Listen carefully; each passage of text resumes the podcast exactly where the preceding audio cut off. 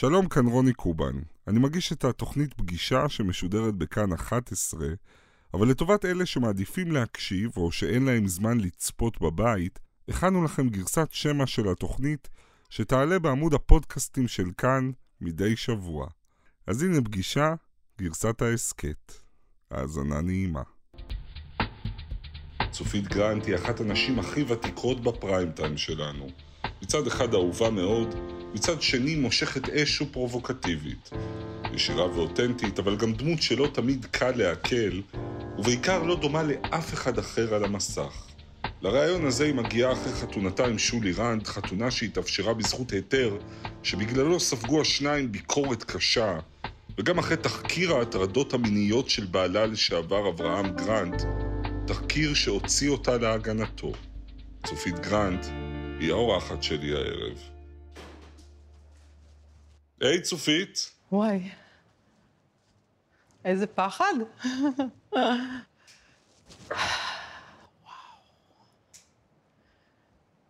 הלב דופק לי. שתי תמונות שככה מושכות אותך מיד. זאת? שזה שלושת האחים? כן, אורלי אמירם ואני. לפחות אה, שנה וחצי או שנתיים לפני שההורים מתגרשים. ואימא שלי ואבא שלי. וואו. את יודעת, לפני שנכנסת, הסתכלתי על הקיר, וזה באמת קיר שהוא הישג בלתי נתפס. זה הקריירה, והמשחק, והמשפחה, והילדים, ופרק ב' כל כך מעורר השראה. וזה שהאנשים, הצופים, שרואים אותנו עכשיו, ועוד הרבה אחרים, אוהבים אותך כל כך, ונדמה לי שזה נורא קשור למילה אותנטיות. אנשים מרגישים שאת אמיתית, שאין הבדל בין צופית בטלוויזיה לצופית בחיים. זה נכון? אני חושבת שכן. אבל אני חושבת שיותר מאשר אותנטיות, כי אני אתן לך מקומות שאין בהם אותנטיות אצלי, ויש הרבה כאלה רגעים. למשל? למשל, אני לא בן אדם שמעביר ביקורת. זה מקומות שמאוד קשה לי. מאוד קשה לי להיות אה, במקום שהוא נסטי כזה. ואני חושבת שהתכונה הכי חזקה שלי בסופו של דבר, והיא גם זאת שהצילה אותי לאורך כל החיים שלי, זה חמלה. אני רוצה בכל זאת לשאול על האותנטיות, כי תכף אנחנו נשב אחד מול השני. אני רוני קובן שמאוד אוהב מערכת צופית גרנט, אבל גם מראיין שיש לו תפקיד, ואת צופית שהלב שלה על השרוול, אבל היא גם מרואיינת שלכם שהמורכבים רוצה לצאת בשלום מהרעיון הזה, לא להתבאס אחר כך שתשבי עם שולי על הספה. ואני שואל את עצמי, כמה אותנטיים נוכל להיות? מה יהיה כאן הערב בינינו? איזה סוג של ריקוד? קודם כל, אני סומכת עליך שאתה גם תשמור עליי קצת. כי אני שנויה במחלוקת בהרבה מאוד מקומות. זאת אומרת, אני גם מושכת אש. אני לא קונצנזוס קלאסי. אני, אני, זה אני נכון. מביאה דברים מאוד מאוד פרונטלי, ואני מסתבכת אה, כפייתית לא, כזאת. גם ברמה של מה שעברת, מה שסיפרת על עצמך, ונגיע גם לזה. בואי נסכם, שומרים אחד על השני. אוקיי. את פה.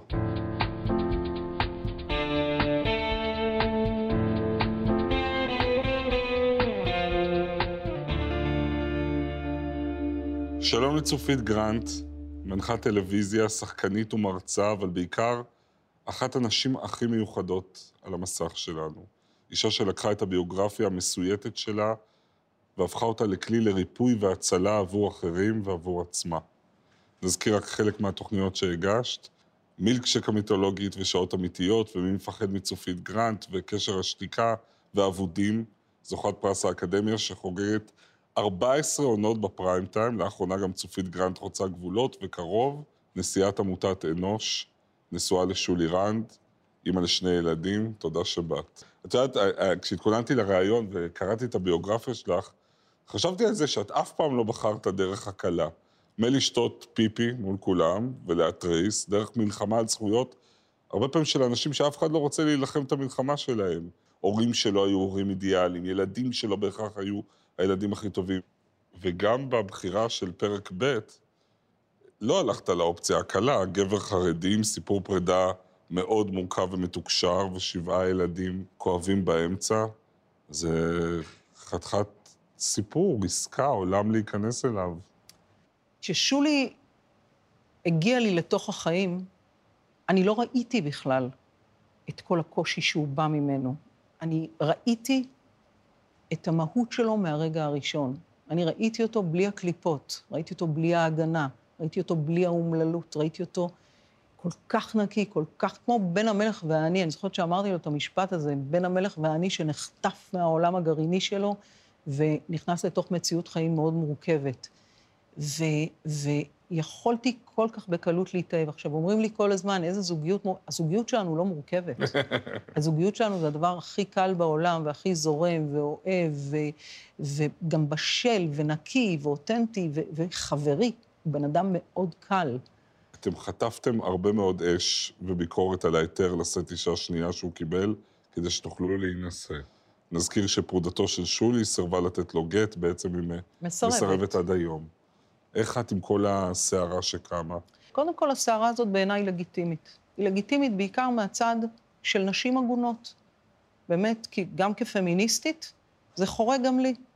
שנשים עגונות, גם אם הסנקציות על הגברים הן מאוד מאוד קשות, וגבר יכול להיכנס לכלא לשנים ארוכות, אני מכירה מישהו שישב מעל 30 שנה בכלא כי הוא סירב לשחרר וואו. את אשתו, זה לא שינה את העובדה ולא ישנה את העובדה שהיא לא יכולה, אם היא רוצה לחיות חיים יהודיים פשוטים ורגילים, הילדים שלה יחשבו ממזרים, וזה כבר, זה, זה, זה, זה, זה, זה עקב אכילס מאוד מאוד קשה ובלתי נסבל.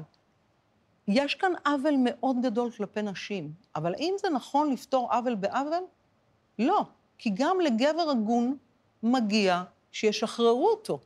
נשים, אגב, מקבלות הרבה פחות סנקציות. כמעט ואין נשים שמקבלות סנקציות. אין כמעט נשים שנכנסו לכלא בעקבות ההגינות, ועד שגבר מקבל היתר לשאת שנייה, זה מהלך מאוד מאוד מורכב, זה לא פשוט בכלל. אנחנו עוד יותר הקשו עלינו, זה לקח חודשים ארוכים, למרות שידעו ששולי כבר שנים מתחנן לגט, הרבה לפני ש... שאני נכנסתי לחיים חוש... שלו. אני חושב שחלק מהסערה והביקורת הייתה, כי הייתה תחושה לחלק מהאנשים, וצריך להגיד גם שאת עומדת מול מתקפות והשמצות ודברים, שאני באמת לא יודע איך את עושה את זה. אבל אנשים הרגישו שיש פה גם סיפור על פריבילגיה, כן? יש את הזוג הזה, את הפאוור קאפל הזה, וממול יש אישה שהיא אולי, יש לה את הבעיות שלה, אבל, אבל היא מרגישה שהוא פגע בה, שהוא עשה לה עוול, היא נלחמת על הזכויות שלה, ואם מצב הדברים היה הפוך, היא בחיים לא הייתה מקבלת אה, אה, את ההיתר הזה. זה ממש לא נכון. היה לנו מאוד קשה לקבל את ההיתר הזה. עכשיו אני רוצה להגיד לך משהו על הנושא הזה, שאני חושבת עליו מהרגע שהצעת לי לבוא לתוכנית. אני שלוש שנים כמעט מותקפת על בסיס יומיומי. ואחת האסטרטגיות שאני בחרתי זה לא להשתמש במדיה בשום צורה, ובטח לא להשתמש בשפה שהיא בוחרת בה מולי. אני לא אגיד מילה רעה עליה, אני אגיד כן דבר אחד. הבנתי, והבנתי את זה מהר מאוד, שאין לי שום יכולת להתמודד עם הדיבה, עם השקרים. המטורפים שנאמרים גם עליי וגם על שולי, חדשות לבקרים, שקרים על שקרים, אי אפשר, אי אפשר בכלל לאמוד את זה, והדרך היחידה שלי להתמודד עם זה, זה דרך החוק, דרך בית משפט. ודרך בית משפט, בית משפט הכיר בזה. שאני צודקת. עכשיו, היא אומרת עליי דברים איומים, מזה שאני אישה שמתעללת בילדים ופוגעת, ו- ו- ושאני פגעתי בילדים שלה, ושעשיתי את זה כבר עם, עם גבר אחר, עם הבן זוג הקודם, ושאני סיסטמטית, אני חוזרת על הדבר הזה. סדרתית. סדרתית. ויש את הילדים באמת, שחלקם ואני... כואבים, והסיפור, פרסמו כל מיני פוסטים. איך, איך את זה מצליחים לנהל, לשים... באהבה ובתמיכה. והוא בקשר נפלא עם הילדים שלו, ואנחנו בוחרים, אנחנו בוחרים לא, לא להשתמש ב, ב, במה שיש אצלנו, אצל שולי, באותה שפה שהיא, כי, היא מספרת כל מיני זה, הוא לא בקשר עם הילדים, מעולם הוא לא טיפל בילדים, הוא לא... הוא מטפל בילדים, הוא אוהב את הילדים, הוא, הוא, הוא חם, הוא, הוא קול כל כך שפוי בתוך החיים שלו. ואני מאמינה, אני באמת באמת מאמינה, ש, שבסופו של דבר האמת של שולי תנצח. הטוב לב שלו, הטוב לב שלו ינצח. מדברים הרבה על תובנות של פרק ב'. איזה, נגיד, לקח הבאת מהזוגיות עם אברהם גרנט לחיים עם שולי? לקח שגם היה לי בתוך הזוגיות עם אברהם. זה משהו שאני הבנתי כבר עם אברהם. אוקיי. Okay. אני סוג אני, אני, אני בן אדם סימביוטי. אני, אני, אני בן אדם שצריך את הנוכחות של הזוגיות כל הזמן. ועם אברהם, באיזשהו שלב הוא כבר לא היה. הוא לא היה. הוא, הוא נסע לאמן בלונדון. הוא נסע לאמן בלונדון, וזה כבר לפני הרבה שנים, היו לי ילדים די קטנים, ומשהו בדבר הזה התחיל ליצור היפרדות. את גם מתרגלת ללבדות הזאת, ואני לא אוהבת לבדות. זה לא, זה, לבדות היה לי מספיק. ו, והחוסר הזה היה שם גם כשאברהם היה בארץ. הוא היה חסר לי המון. ובסופו של דבר, זה משהו שתיקנתי. זה משהו שתיקנתי. היה לי ברור שפרטנר שנמצא איתי צריך להיות. אין נפרדות. הוא צריך הוא נמצא. להיות. זה זוגיות אמיתית כל זה הזמן. זה לא, לא ייווצר מצב, נגיד, ששולי יתחיל לפתח קריירה בחו"ל, ואני אשאר פה. לא, מישהו מאיתנו יצטרך... לוותר. הטנגו הזה, הטנגו הזה יצטרך ללכת ביחד. את יודעת, את סיפרת שאת ואברהם לא בני זוג, אבל עדיין חברים מאוד טובים. והאהבה הזו עמדה במבחן לא קל מול התחקיר שחיים אתגר פרסם על אברהם, שכלל עדויות לניצול מיני מצידו. בואו נתחיל מזה שלדבר על זה זה מוקש. נכון. זה מוקש בגלל המונופול שיש על הנושא הזה. מאז מי-טו, כאילו, שזאת התנועה אולי הכי חשובה שקמה לנשים מסכים. בשנים האחרונות, ואני מברכת עליה, מותר כמעט בכל דרך לתת אה, אה, לנשים במה, ואתה לא יכול לנסות אפילו להעביר על זה ביקורת. ואני אגיד לך רק בכמה משפטים על המקום שלי בתוך הדבר הזה. בואו נתחיל מזה שאני באמת מאוד מאוד אוהבת את אברהם, אבל לא הייתי הופכת למליצת יושר שלו בשום צורה, mm-hmm. אה, אם הדברים האלה היו אמיתיים. אני מכירה את כל הסיפור מכל הכיוונים. וגם חיים אתגר וגם עורכי הדין וגם השותפים לתוכנית. וזאת הטרגדיה של התוכנית הזאת. הוא לא ניצל מינית, הוא מעולם לא כפה את עצמו, הוא לא ניצל מרות, והם ידעו את זה, אבל אם הוא היה מביא את התחקיר האמיתי, לא הייתה לו תוכנית. לא הייתה לו תוכנית, לא היה לו קייס. ואתה יודע מה הדבר הכי קשה? הכי קשה, שנשים יכולות לבוא להגיד לי, תתביישי לך, את מגנה על עבריין מין, אף אישה בשום מקום לא יכולה להעז להגיד עליי דבר כזה, מכיוון שאני נפגעת מינית קשה, לא פשוטה. אני מטפלת בנפגעות תקיפה מינית, אני אטפל בהם עד יומי האחרון, ואני תמיד אדאג להם, ואני לא אגן על אף אדם, על אף אדם, בשום מקום, שפגע, שנגע, שרמס נשים. זה לעולם לא יקרה. ואני מודיעה לך, הוא לא עבריין מין, הוא מעולם לא היה עבריין מין, הוא מעולם לא הטריד. יכול להיות שהוא התחיל, יכול להיות שהוא יוצא עם צעירות, אבל בוא, אנחנו לא... אה, זה, זה, זה מוסרי, לא מוסרי, אני, זה לא אנחנו שופטים. אני אשאל על זה רק עוד שאלה אחת, כי זה באמת, זה מוקשים. אני רואה איך את מגינה עליו, יכול להיות שהוא יוצא עם צעירות, יכול להיות שהוא זה. חלק מהדברים, לפי התחקיר, קרו בזמן הנישואים שלכם. נכון, ואני לא אומרת שהנישואים שלנו היו שלמים, אבל אני את הדרך שלי עברתי מולו, אני לא כועסת עליו. את הבחירות שלי עשיתי בסופו של דבר. אה, ואתה יודע מה? הכי חשוב לא, לי להגיד... זה לא מעליב אותך? זה לא מלבין את פנייך? אתה יודע מה הכי חשוב לי להגיד? זה באמת, באמת, באמת לא עניינו של הציבור. זה לא עניינו של הציבור, גם לא איך אני מתמודדת עם זה. אבל מאיפה את מגייסת את הכוחות בסיטואציה הזאת להגן עליו? אני מאוד אוהבת אותו.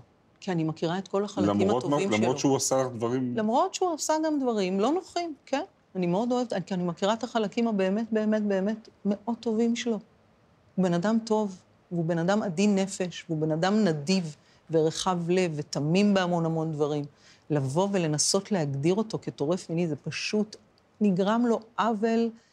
יש משהו שהוא לא היה בסדר בעינייך? אני חושבת,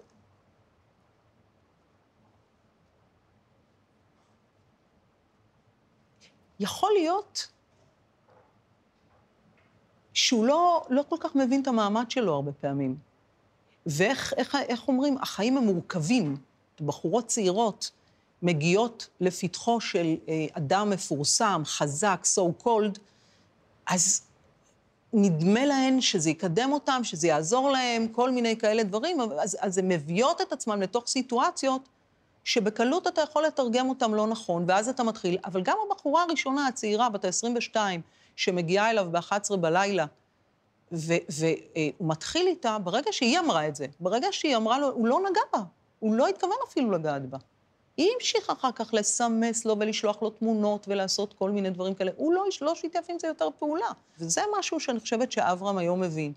שהוא חייב להכיר את המאמר, הוא חייב להכיר במעמד שלו, בכוח שלו. אני מקשיב לך, באמת קשה לי לחשוב שאברהם גרנט לא מבין את המעמד שלו. זה באמת...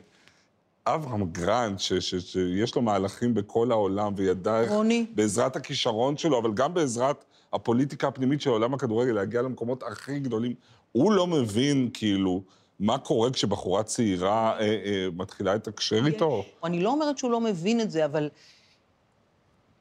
הוא לא רואה בזה ש... זאת אומרת, הוא לא מנצל את המעמד הזה, הוא לא...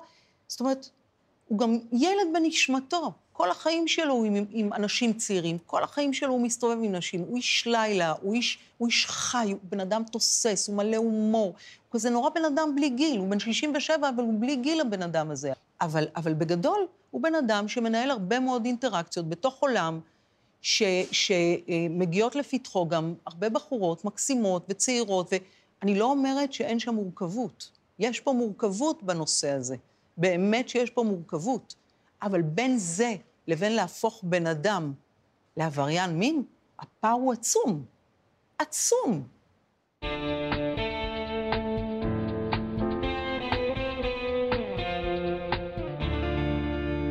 ילדות עכשיו, אה, אבא אליהו ואימא רחל, וואו, איזו תמונה. ואת, אה, צופיה אלישיב, ואת דיברת אה, לא מעט על הילדות הקשה והנערות המסויטת, אבל לפני שזה יסתבך, תמונה אחת טובה. היו גם תמונות טובות לפני שהם התגרשו?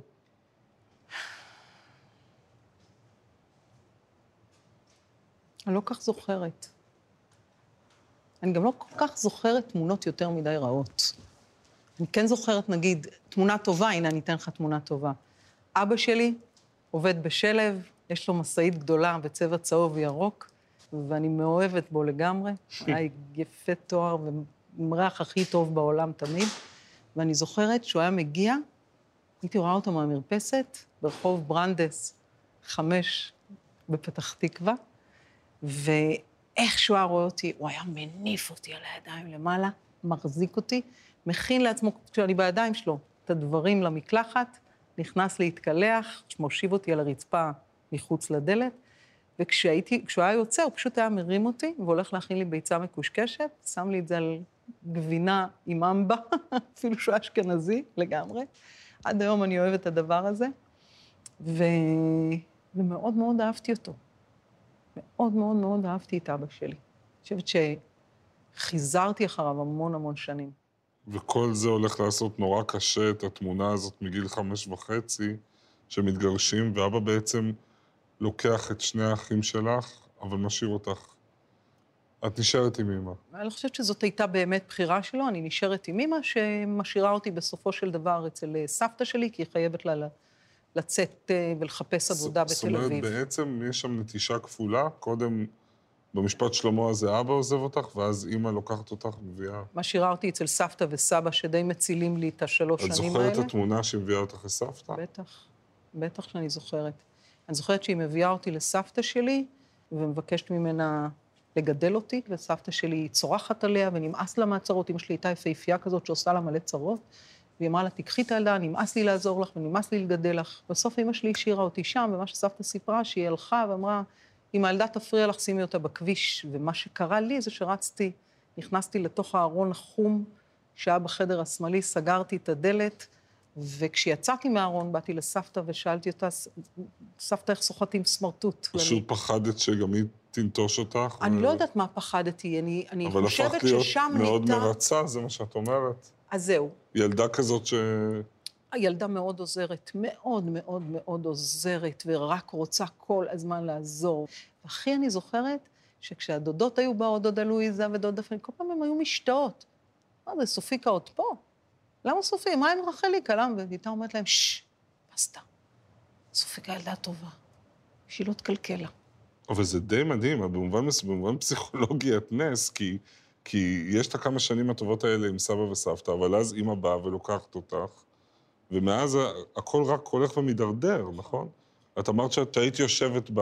ב, ב... הייתי יושבת במדרגות ומחכה ו... שאימא תבוא. כי לא יכולת לשאת את הלבד, כי אימא כל הזמן לא הייתה בבית. עד שבעצם השכן אה, מכניס אותי אליהם הביתה, ושם אה, הוא מתחיל אה, באיזשהו שלב לנהל איתי so called קשר רומנטי, רק שהוא בן 30 ואני בת תשע. וזה בסופו של דבר זורק אותי למוסדות.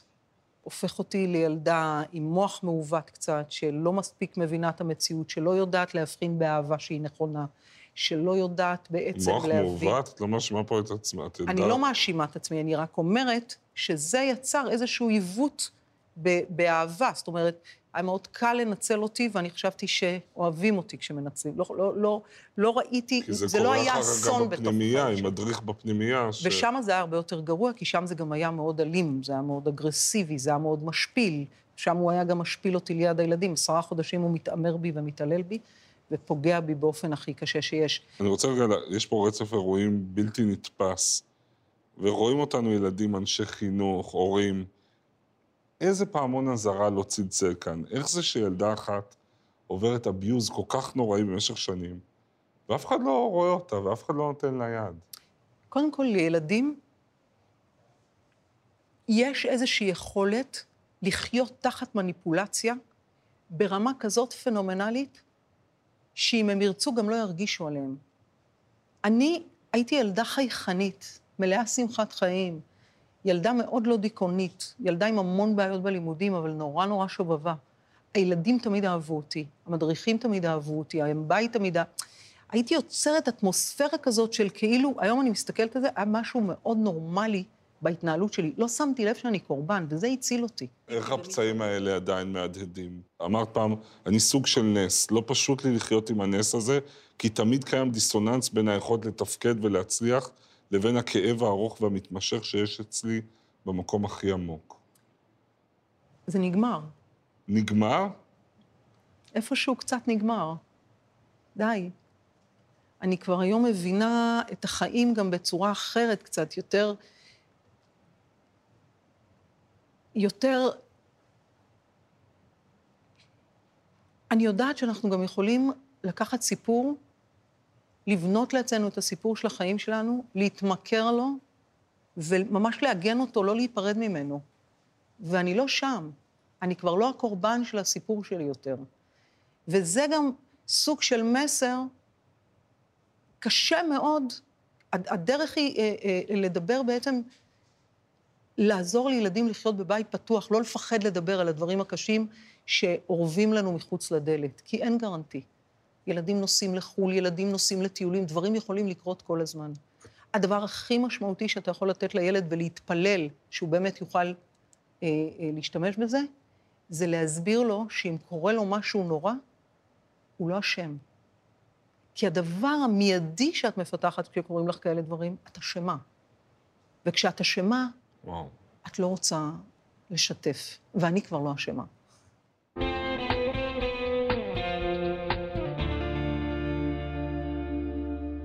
נדבר עכשיו על העשייה הטלוויזיונית המיוחדת שלך. מתי את מבינה שהכלי הזה, הטלוויזיה, הוא לא רק פלטפורמה להתפרנס, להתפרסם, לחיות חיים מעניינים, אלא שדרך הטלוויזיה את יכולה לעזור לאחרים, אבל גם לגעת בפצע שלך. היום אני, אני, אני מבינה את הדברים שאתה אומר. היום כבר אני, אני יודעת גם שזאת הטלוויזיה שאני רוצה לעשות. תדע לך שאת התוכנית הזאת, ללא גבולות, אני בכלל לא התכוונתי לעשות ככה. זו הייתה החלטה קונספטואלית שבאה בהפתעה גמורה. אני רציתי לעשות תוכנית על פגועי נפש, על חולי סרטן, על זקנים, על כאב, על דברים כאלה, ששם הפורטה שלי. מה לי ולפוליטיקה? אני לא אוהבת את זה בכלל, כי אני יודעת שאני לא מסוגלת לא להשתמש בחמלה ובאנושיות. אני יודעת את זה. אבל רשת החליטו שזה מה שהם רוצים, וזרמתי. את יצרת לפרויקט הזה בהצהרה שאת רוצה לדבר על תרבות השיח שהתקלקלה, ואת הולכת להקשיב לכולם, לא להסכים, אבל להקשיב. וזאת הדרך היחידה שלי להתמודד עם אבל, זה, כי, כי זה לא, נכון. אבל אם לוקחים את הפרק עם בנצי גופשטיין, עם ארגון להבה, את לא חושבת שלקחת את זה רחוק מדי? זאת אומרת, זה גם אני שואל את עצמי הרבה פעמים, צריך להקשיב לכל אחד? כל אחד צריך לקבל במה? כי את יודעת, יש, יש שם סצנה בפרק הזה שאתם במערת המכפלה, ואתם מדברים על ברוך גולדשטיין. ואני נלחמת בו. והוא אומר לי, ברוך גולדשטיין נרצח. אני אומרת לו, ברוך גולדשטיין לא נרצח, ברוך גולדשטיין רצח. כן, אבל הוא, לא הוא עומד שם. ומסביר למה ברוך גולדשטיין הוא גיבור. ואני מסבירה לו שהוא טועה בגישה שלו, ושהגישה שלו לא מקובלת עליי. ונכנסתי איתו לדיבייט, כל הזמן התווכחתי איתו. לא קיבלתי את המשנה שלו כמובן מאליו. אתה יודע מה הוא אמר לי בסוף התוכנית הזאת? נו, הקשבתי לך. קרה לו משהו איתי. אבל השאלה עכשיו, למה צריך בכלל לתת... למה צריך? בכלל לעמוד ולדון למה? בטלוויזיה. אם אם- אם- אם ברוך גולדשטיין הוא- הוא הוא גיבור או לא? האיש רצח 29 מתפללים מוסלמים, פצע 125, זה הפיגוע הכי גדול בתולדות הטרור היהודי. אני אומר את זה כמי שנורא אוהב את העשייה שלך, אבל הסתכלתי על הרגע הזה ואמרתי, אולי את הכנסת עצמך, כמו שקצת אמרת קודם, למקום שהוא, שהוא לא טבעי לך ולא מתאים לך, ושילמת מחיר. א', יכול להיות, לגמרי. לגמרי. אף איש טלוויזיה לא היה יושב ומודה ככה בכזאת לא, לא, כנות. לגמרי יש בזה משהו. ומצד שני, מה שקרה לי עם בנצי גופשטיין, שמאוד מאוד הכעיס את כל יפי הנפש, זה שראיתי את החלק המאוד אנושי שלו, שהוא מעבר לד- לדעות הפוליטיות שלו. ומה לעשות? שבתוך בנצי גופשטיין יש גם את החלק הזה. הגזען, כן. שבתוך בתוך התפיסה, שבתוך התפיסת עולם שלו, המאוד שלו. בעייתית, יש גם בן אדם.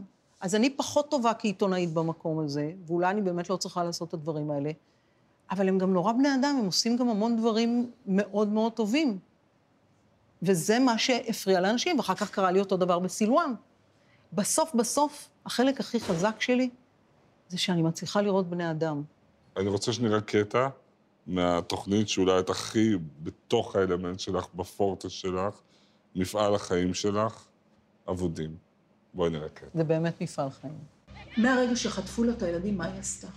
כן, השתגעה. אמרו לי שכל יום הייתה שמה. יושבת להם, יושבת להם על יד הדלת. אף אחד לא מתייחס אליה. במשרדים של הקהילה היהודית? כן.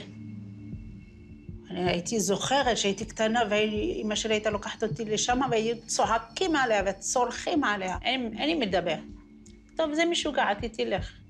מה גרם להם לחשוב שהיא ככה, שהיא כי משוגעת? כל הזמן היא נלחמת, נלחמת בשביל הילדים בוכה, שלה. צורחת. בוכה, צורחת, היא רוצה את הילדים שלה בחזרה. יש לנו את מרי פרץ. מרי פרץ, שילדה אחת שלה נחטפה על ידי מוסלמית כנראה, ובגיל שנתיים וחצי, ויומיים אחרי זה הקהילה היהודית באה, מאשימה אותה שהיא אימא לא טובה, ולוקחת לה את שלושת הילדים האחרים. מסתבר שהם מראש תכננו את כל הדבר, כי היו להם משפחות יהודיות עם כסף שחיכו בעצם לתינוקות האלה. ואת מפגישה אותה עם הילדים האלה כמה שנים אחרי? 50 שנה אחרי. וואו. ומאז עוד חמש שנים מחפשים את הילדה שנחטפה על ידי המוסלמית. וזה פשוט מטורף. מטורף. עכשיו, זה לא יאומן מה שקרה למשפחה הזאת, זה לא יאומן, זה... קודם כל, נהיו המשפחה שלנו. גם שלי, גם של דוד, של כל ההפקה שלנו. וזה באמת, וואו, והיא- זה תיקון היא- עולם. זה תיקון אבל גם שלך, זה מה שאני מנסה להבין. האיחודים האלה של המשפחות, ה- אלה רגעים ש- ש- שעזרו לך גם לאחות דברים בתוך... אני הבית. מאמינה שמאוד, בטח. אני מאמינה שמאוד. כמו שלמשל, כל פעם שאני מוצאת אבא, אז, אז יש בי איזה משהו, כאילו, על ההחמצה של השנים שלי עם אבא שלי, אבל אה, ברור, ברור. למרות שאתה יודע, אתה לא חי את זה ככה, אתה לא, כן, זה, לא, נכון. זה לא מה שאתה אתה חושב. לא ממלל את זה אתה לעצמך. לא, לא, אבל, אבל בסוף, כשאני מסתכלת, נגיד, על כל, על כל הקיר הזה, ואני רואה את הדרך שאני עשיתי, אז אני אומרת, יואו, איזה קטע גדול. אבל פשוט לא הייתי קורה- עסוקה בלרפא את עצמי. דיברת קודם על, ה... על זה שהרבה פעמים כשאת מתעדת אבות, מציאה של אבות, את חושבת על אבא שלך ועל השנים שלא היו לכם, הזמן שלא היה מספיק ביחד. זה נמצא שם, למרות כל התיקונים וההשלמות, הדברים ש... ש... שכבר לא יהיו לך? אה, כן, קודם כל יש בי איזו הכרה שגדלתי במשפחה מאוד מאוד מאוד מפורקת, וזה זה לא משהו שתוקן אי פעם. וב', לא סגרתי עם אבא שלי מעגל. בשנים האחרונות לא היה לנו קשר, נודע לי שהוא נפטר במקרה. ואני מאוד מצטערת על זה, אני, כי בסך הכל הייתה לו אישה שהיא חיה, כן, תיבדל לחיים ארוכים, מאוד טובה, בשם דליה, אישה מקסימה, וילדים מקסימים, ולא הייתה שום סיבה לנתק הזה. זה הנתק של חוסר בגרות שלו, אבל גם אומללות שלי. ואני לא... אין דרך לתקן את זה היום. והילדה היא בת החמש וחצי, אם היית יכולה לפגוש אותה ככה במכונת זמן, לדקה, לחמש דקות. מה הכי הייתי אומרת לה? כן. תלמדי. תתפתחי, תהיי תלמידה טובה, כדי שתוכלי להגשים את החלומות שלך. כי אני לא הגשמתי את עצמי. אני רציתי להיות רופאה, וגם היום אני רוצה להיות רופאה. ולא הגשמתי את עצמי. זה שאני עומדת על הבמה ומאוד מצליחה, וזה שאני עושה דברים שיש בהם אלמנט של השפעה, זה כי אני יודעת לעשות את זה ואני מוכשרת בזה. אבל החלום שלי היה להיות רופאה. וזהו. וזה שלא למדתי 12 שנה כמו שצריך, וזה שלא היה לי אומץ ללכת לאוניברסיטה, זה משהו שאי אפשר היום להחזיר לי. וזה מה שהייתי אומרת לה, אל תוותרי, תלמדי, תתפתחי, ותלמדי מוזיקה, ותעשי, תלמדי. וזה גם מה שאני אומרת היום לנשים בכלל. אל תוותרו לעצמכם, אל תיכנסו הביתה, תתחתנו, תיכנסו, ואם כל מה שאתם רוצות זה לגדל ילדים, זה בסדר, זה נפלא, זה לגיטימי גם. אבל אל תוותרו על ההתפתחות שלכם, כי התפתחות היא כוח. צופית גרנט, מה אני אגיד לך? זה היה... וואו. זה המון המון דברים בשבילי. תודה רבה שבאת, ממש תודה. תודה שהזמנת אותי.